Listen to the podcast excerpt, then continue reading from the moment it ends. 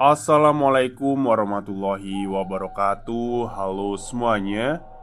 Jumpa lagi dengan saya Chow Sing Sing Kurator dari podcast Horror Night Story. Halo apa kabar semuanya? Semoga kalian semua baik-baik saja ya. Dan seperti biasanya pada siang hari ini saya kembali dan akan menghadirkan sebuah kisah mistis untuk kalian semua Kisah mistis kali ini saya datangkan dari treat horornya Mas Katakuri atau Demozen Yang menceritakan uh, sebuah peternakan ayam yang ada di daerahnya Oke, daripada kita berlama-lama, mari kita simak ceritanya. Masih dengan kisah yang saya alami selepas lulus sekolah. Semoga kalian tidak bosan dan ada pemahaman dan manfaat untuk kalian semua. BTW bicara tentang hantu atau setan atau semacamnya Kenapa mereka tidak mempunyai gaya gravitasi seperti kita dan semua benda yang ada di bumi? Padahal mereka sudah masuk ke alam manusia, alam dunia yang ada gaya gravitasinya. Apakah ada yang bisa menjelaskan? Mundur ke belakang di mana awal berdirinya kandang ayam ini pertengahan tahun 2005 Kandang peternakan ayam ini dibangun di bekas perkebunan mangga milik Bapak Haji Dari awal berdiri sampai sekarang Tak pernah habis cerita menyeramkan oleh setiap penjaganya Puluhan orang penjaga berganti Puluhan kisah mistis juga mengiringi di tiap periodenya Selain jauh dari pemukiman, di sini juga memang sudah terkenal angker sejak dahulu kala. Ujung timur desa yang menyimpan banyak cerita dari mereka. Sebelah barat kandang berbatasan dengan perkebunan mangga dan pisang warga yang di mana perkebunan tersebut terkenal dengan rumah pocong julukannya. Ya, karena memang bukan cuma satu atau dua Namun banyak sekali Lebih dari sepuluh pocong ketika muncul di hadapan warga Yang sial Karena melintasi daerah tersebut pada malam hari. Di sebelah utara kandang kurang lebih 10 meter berbatasan dengan rawa-rawa kecil di tengah persawahan Tentu menjadi tempat tinggal dari mereka dan memang rawa tersebut tak kalah angker dan seramnya Dari perkebunan pisang di sebelah barat Di sebelah timur kurang lebih 300 meter Adalah pemakaman desa. Sebelah yang terpencil berada di tengah persawahan Makam dari orang zaman dahulu Dan bergeser ke sebelah selatan tepat di hadapan kandang adalah Kaliwetan yang dilintasi jembatan kecil di mana jembatan itu adalah bekas pembantaian dari orang-orang zaman dahulu ketika penjajahan Belanda. Di bawah jembatannya adalah kuburan dari para korban pembantaian yang sudah menjadi sungai kecil untuk irigasi persawahan warga. Saya jadi tertarik mengangkat cerita ini karena tiga hari yang lalu saya uh, panggil aja Usman Bertemu dengan Usman ya. Dia adalah penunggu peternakan yang sekarang Dan dia hanya menjaganya seorang diri. Cukup lama kami berbincang hingga ia menceritakan apa yang ia alami sekitar lima hari yang lalu. Malam itu hujan turun dan awet dari sore hingga malam hari. Usman terjebak di kandang dan tak bisa pulang. Ia pun memutuskan untuk berbaring sambil mendengarkan suara musik dari radio tua yang terpasang. Mendengar radio adalah hiburannya di kala bekerja dan beristirahat. Rasa kantuk mulai mendera, memberatkan mata, mengajak Usman untuk terlelap, hingga akhirnya dia tertidur dengan lelapnya. Tiba-tiba, suara radio kehilangan frekuensinya. Sementara hujan di luar tak kunjung reda, malah semakin deras. Kilatan petir mulai tercipta diikuti dengan suara gelegar gemuruh yang membangunkan Usman dari tidurnya. Namun, bukan hanya itu. Samar-samar terdengar suara kidung Jawa yang dinyanyikan oleh seorang perempuan yang menggunakan pakaian khas sinden dalam sebuah tokoh pewayangan. Suaranya begitu halus seakan memikat dan menenggelamkan siapa pun yang mendengarkan alunan merdu suaranya. Suara itu terdengar dari pojok timur kandang pertenakan. Tangannya gemulai, sekaan mengekspresikan makna yang terkandung dari lagu itu. Usman yang setengah sadar mencari sumber suara. Ia memindah channel radio yang dikiranya suara tersebut berasal dari radio di samping kanannya. Suara radio dia kecilkan Berharap bisa dengan jelas mendengarkan suara sayup-sayup kidung Yang dipecah suara petir dan hujan. Usman segera bangkit dengan posisi terduduk Menatap ke arah sumber suara. Sejenak Jantungnya berhenti berdetak. Matanya terbelalak. Mulutnya terbuka menyaksikan pemandangan di depannya Yang kurang lebih berjarak 100 meter Di pojok timur kandang. Usman hanya bisa diam tak bergerak. Kini Jantungnya begitu cepat terpompa. Adrenalin begitu memuncak. Sementara sosok yang ditatap oleh Usman Sekarang berbalik memandangi dirinya yang tengah mematung terpaku ketakutan Yang luar biasa besarnya. Senyuman yang begitu mengerikan. Dengan pipi yang bolong robek sampai ke kuping. Sekarang Sosok itu berlenggak-lenggok berjalan Sambil menari Menuju ke arah Usman.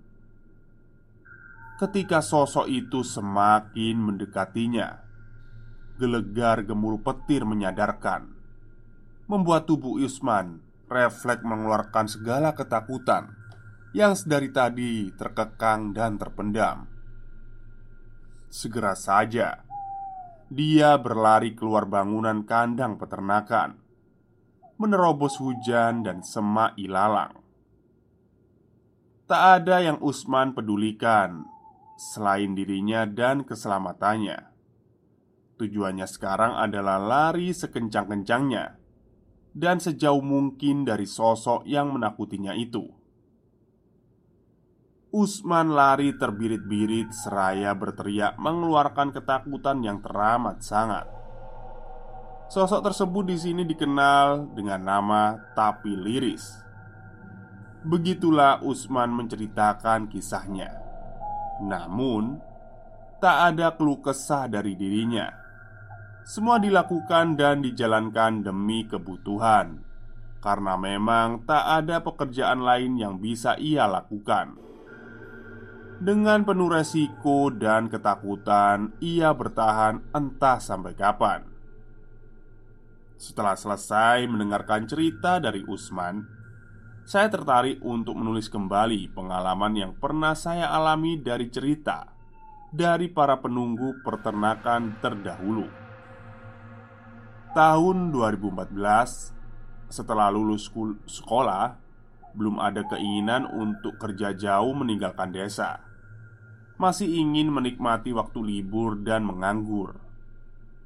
Beberapa bulan berlalu ketika sedang asyik menikmati malam bersama kedua teman saya Dio dan Irfan Seperti biasa, kami berkumpul di rumah Irfan hanya untuk menghabiskan waktu dan kegiatan yang tidak terlalu berguna. Hingga suatu malam datang satu orang teman kami yang baru pulang menimba ilmu di sebuah pesantren yang terletak di Jawa Timur. Idin, sebut saja namanya begitu. Teman lama yang terpisah jauh karena sebuah keinginan Idin adalah keponakan Bapak Haji yang saya ceritakan di atas. Singkat cerita, Idin mengajak kami untuk bekerja di peternakan ayam milik pamannya. Dari situ, awal saya terjun ke dunia kerja dan mendapatkan ilmu tentang proses peternakan ayam broiler. Kurang lebih dua minggu lagi, kandang siap diisi. Hal pertama yang dilakukan adalah membersihkan lantai kandang dengan air bertekanan tinggi, bertujuan untuk menghilangkan sisa dari kotoran ayam. Ya, pekerjaan yang melelahkan karena memang harus bersih dan teliti di setiap sela lantai bambu agar tumbuh kembang ayam sempurna. Kegiatan ini kami mulai pada sore hari sampai tengah malam. Bahkan, kami harus lembur membersihkannya karena waktu yang sudah mepet dengan jadwal. Saat malam hari, suasana terasa begitu berbeda, sangat sunyi, gelap, dan hampa. Namun, entah kenapa begitu pengap nafas ini seperti tengah berada di dalam kerumunan. Hanya ada suara deru mesin pompa yang terdengar, seperti tak ada tanda-tanda kehidupan di sini. Kami kerja bergantian, saling mengganti jika dirasa sudah lelah. Kandang ini sudah lama kosong, kurang lebih tiga minggu lamanya. Kami membersihkan sela demi sela secara detail dan penuh kesabaran. Bangunan kandang yang 90% berbahan kayu dan bambu. Luasnya 5 meter dan panjangnya 80 sampai 100 meter. Ketika mereka sedang bekerja, saya memilih turun menuju pondok yang berada di tengah terapit bangunan peternakan ini untuk sekedar membuat kopi dan istirahat. Selesai membuat kopi, saya duduk dan menatap keadaan sekitar yang gelap dan dipenuhi pohon mangga dan pisang. Ada satu pohon pisang yang menarik perhatian saya. Daunnya bergerak-gerak, namun hanya sendirian di pohon tersebut saja. Semakin lama semakin cepat ritme gerakannya. Ah, masa bodoh Ucapku sambil meminum kopi. Namun Semakin lama Semakin saya dibuat penasaran. Hanya beberapa detik mengalihkan pandangan. Tiba-tiba Sudah muncul Sosok berkain putih setinggi pohon pisang. Saya mengernyitkan dahi, memfokuskan pandangan dengan penuh tanda tanya. Saya menyemburkan kopi seraya mengumpat kata kotor ketika sosok itu menunjukkan wujud dan mukanya. Gelas kopi tak tahu terlempar ke mana. Saya berlari dan buru-buru naik menuju teman yang sedang bekerja. Entah kenapa rasanya begitu lemas dan lelah ketika sampai di atas. "Kamu kenapa?"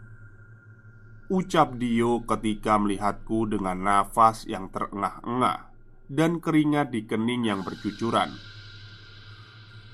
"Enggak, enggak apa-apa kok, aman." Ucapku menyembunyikan kejadian tadi saya memilih menggantikan tugas Dio membasuh lantai kandang.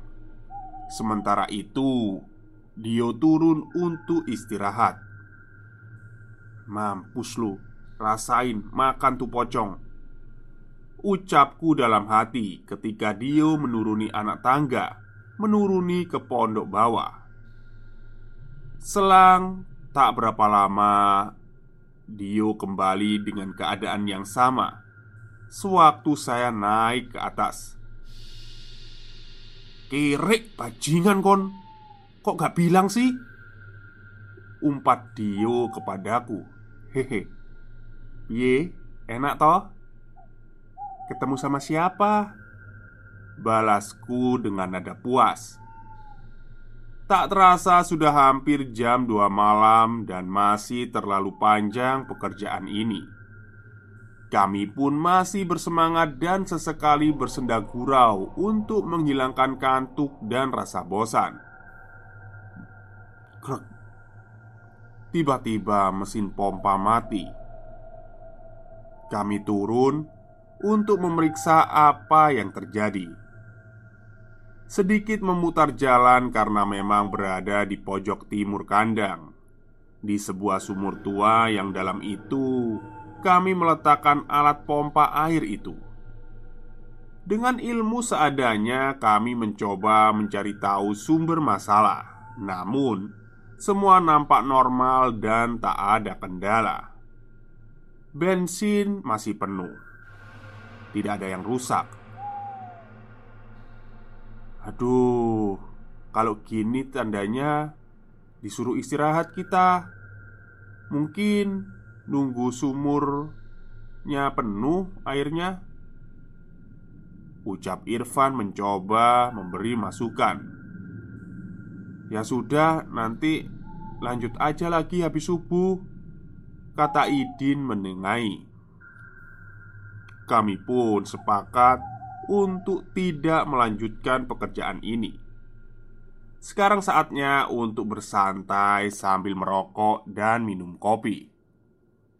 Weh, gelas satunya mana nih? Kurang satu, kata Idin bertanya pada kami. Aku diam saja karena aku yang tadi melempar gelas itu sewaktu ketemu dengan pocong. Waduh, kayak eh hilang gelasnya. Ya udahlah, joinan aja ngopinya. Kami beristirahat dan bersantai sambil menunggu waktu subuh tiba. Hingga datang waktu yang ditunggu-tunggu. Adzan subuh sayup-sayup terdengar. Kami mencoba menyalakan kembali mesin pompa yang tadi mendadak mati. Bismillah Dan benar saja mesin kembali hidup seperti semula Nah, kan benar Ucap Irfan. Kami melanjutkan pekerjaan Dengan estimasi selesai pada sore hari. Yap Benar Sore hari. Gila konyol stres. Bagaimana tidak?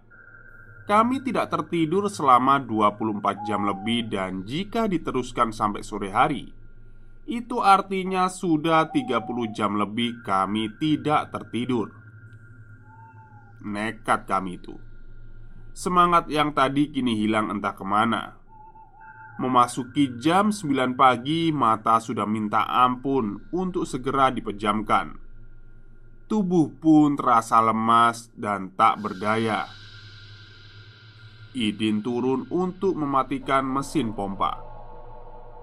"Udah, udah, udah, tidur semua!" Serunya kepada kami semua. Akhirnya, kami semua tertidur di pondok bambu di tengah area peternakan itu. Pondok yang sempit dan jauh dari kata nyaman. Kami pun tidur berhimpitan, menyesuaikan luas ukuran yang bisa dibilang pondok kubuk ini kami tertidur pulas di tempat yang seadanya. Tiba-tiba, "Woi, woi, bangun-bangun semua!" Kata Idin membangunkan kami.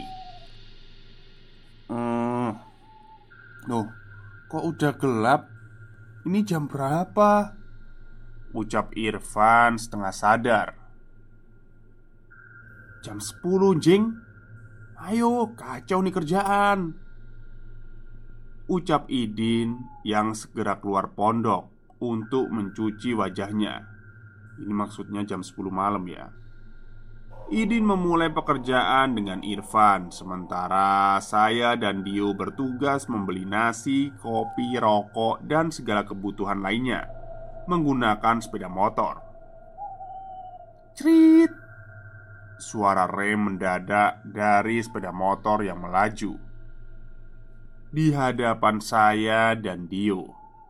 Terlihat banyak orang bergerombol di jembatan. Kami mengira itu adalah warga desa, namun tidak mungkin.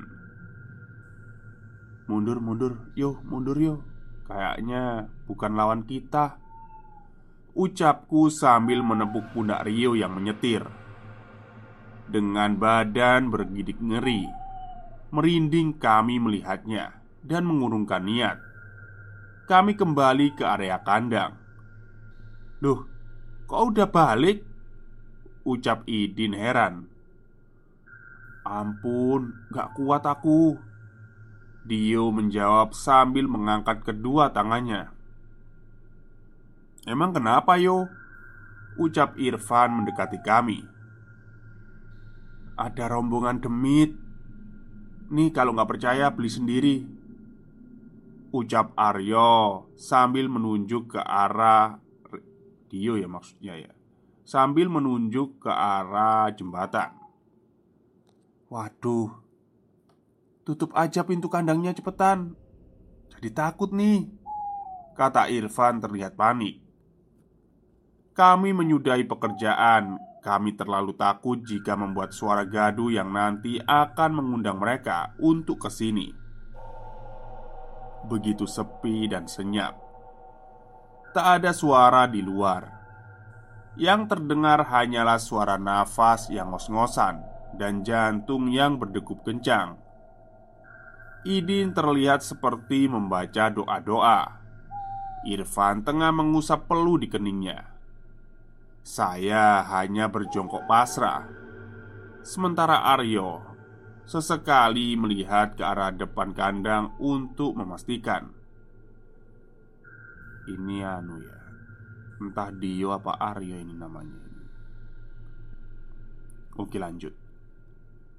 Baru dua hari kerja. Sudah begini. Gimana nantinya? Gumamku dalam hati. Tak ada satupun dari kami yang berani bergerak, apalagi untuk berbicara. Dek, tiba-tiba terdengar suara pintu diketuk dari luar.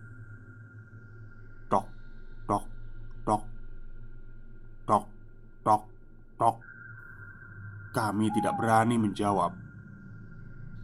Tok, tok, tok, din. Idin Suara dari luar pintu memanggil-manggil nama Idin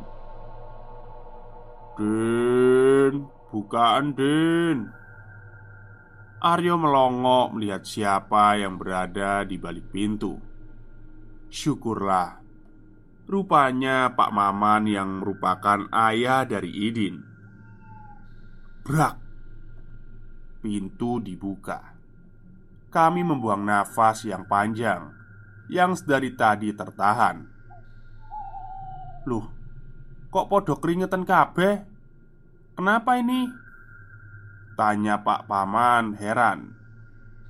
Kami tak ada yang menjawab Ya ya wes istirahat dulu Ini Paman bawa nasi Tapi dikit Terus sama kopi juga Pak Maman memberikan plastik berisi nasi dan kopi untuk Idin anaknya. Dengan langkah ragu, kami menuruni tangga dan menuju pondok.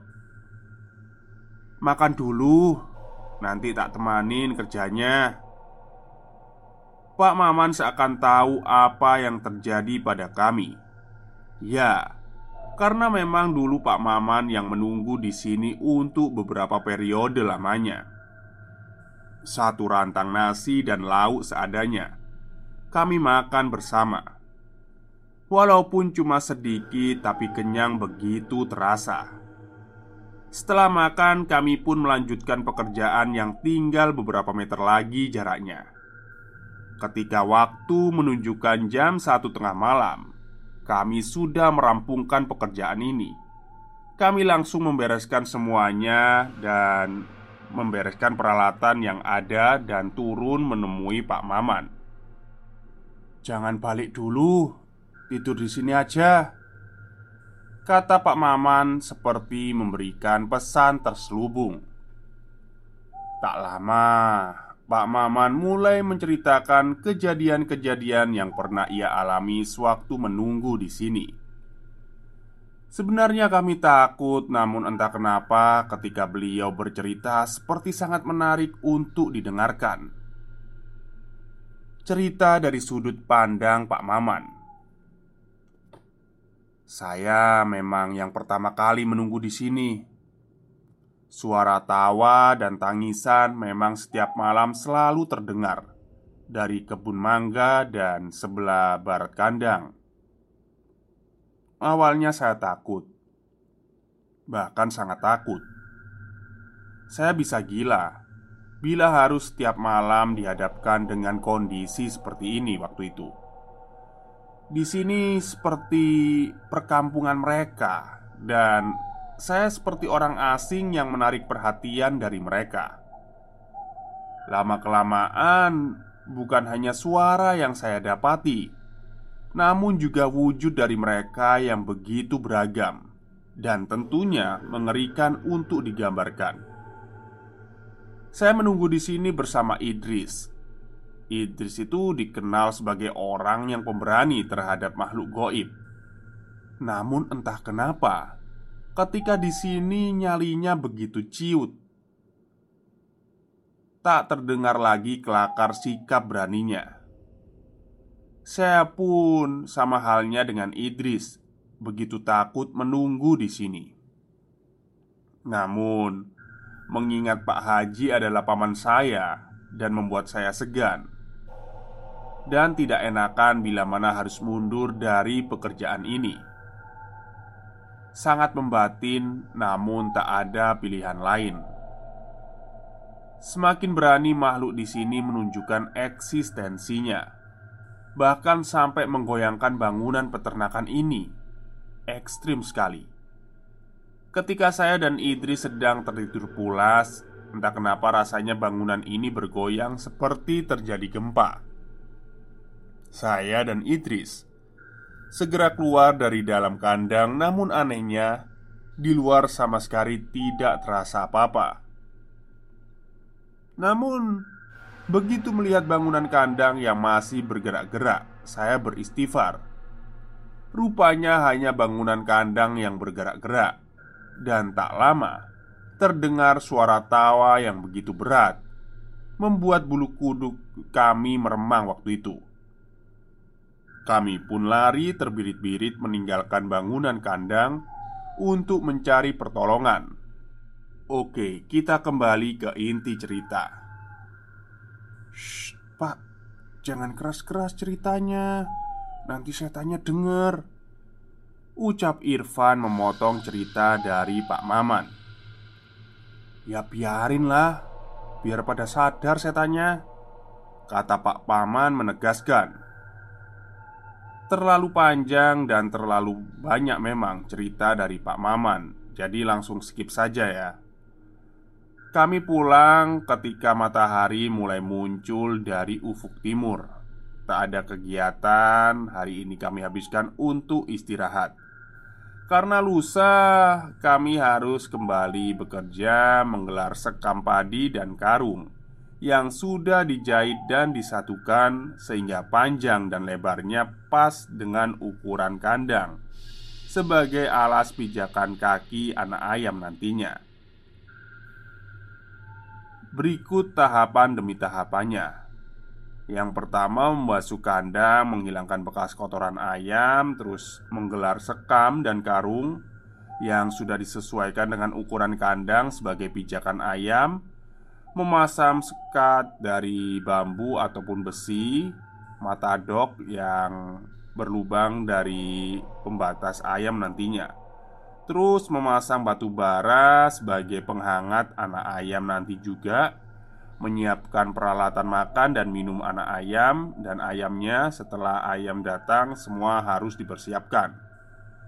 Semenjak ditemani Pak Maman memang semuanya terasa lebih baik dan nyaman Tak banyak gangguan yang kami alami Hanya gangguan kecil yang kami alami dan tidak terlalu menyeramkan Singkat cerita, waktu yang ditunggu pun tiba. Nanti malam adalah kedatangan anak-anak ayam yang sudah disiapkan dan dibesarkan. Dikirim dari PT, dikirim maksudnya ya. Dikirim dari PT melalui supplier yang berasal dari Jawa Tengah. Tak tentu kapan datangnya, yang pasti kami harus mempersiapkan semuanya sedini, sedini mungkin. Oke, ini memang ceritanya panjang ya. Jadi, seperti biasa akan saya lanjutkan nanti malam lagi. Dan eh, mohon maaf jika pembacaannya agak terbata-bata ya, karena memang banyak tulisan yang tipu. Eh, bukan hanya sedikit ya, banyak sekali. Tapi ceritanya udah lumayan serem ini. Baik, untuk nanti malam saya lanjutkan lagi bagian akhirnya. Untuk sementara ini dulu. Selamat siang dan selamat beristirahat.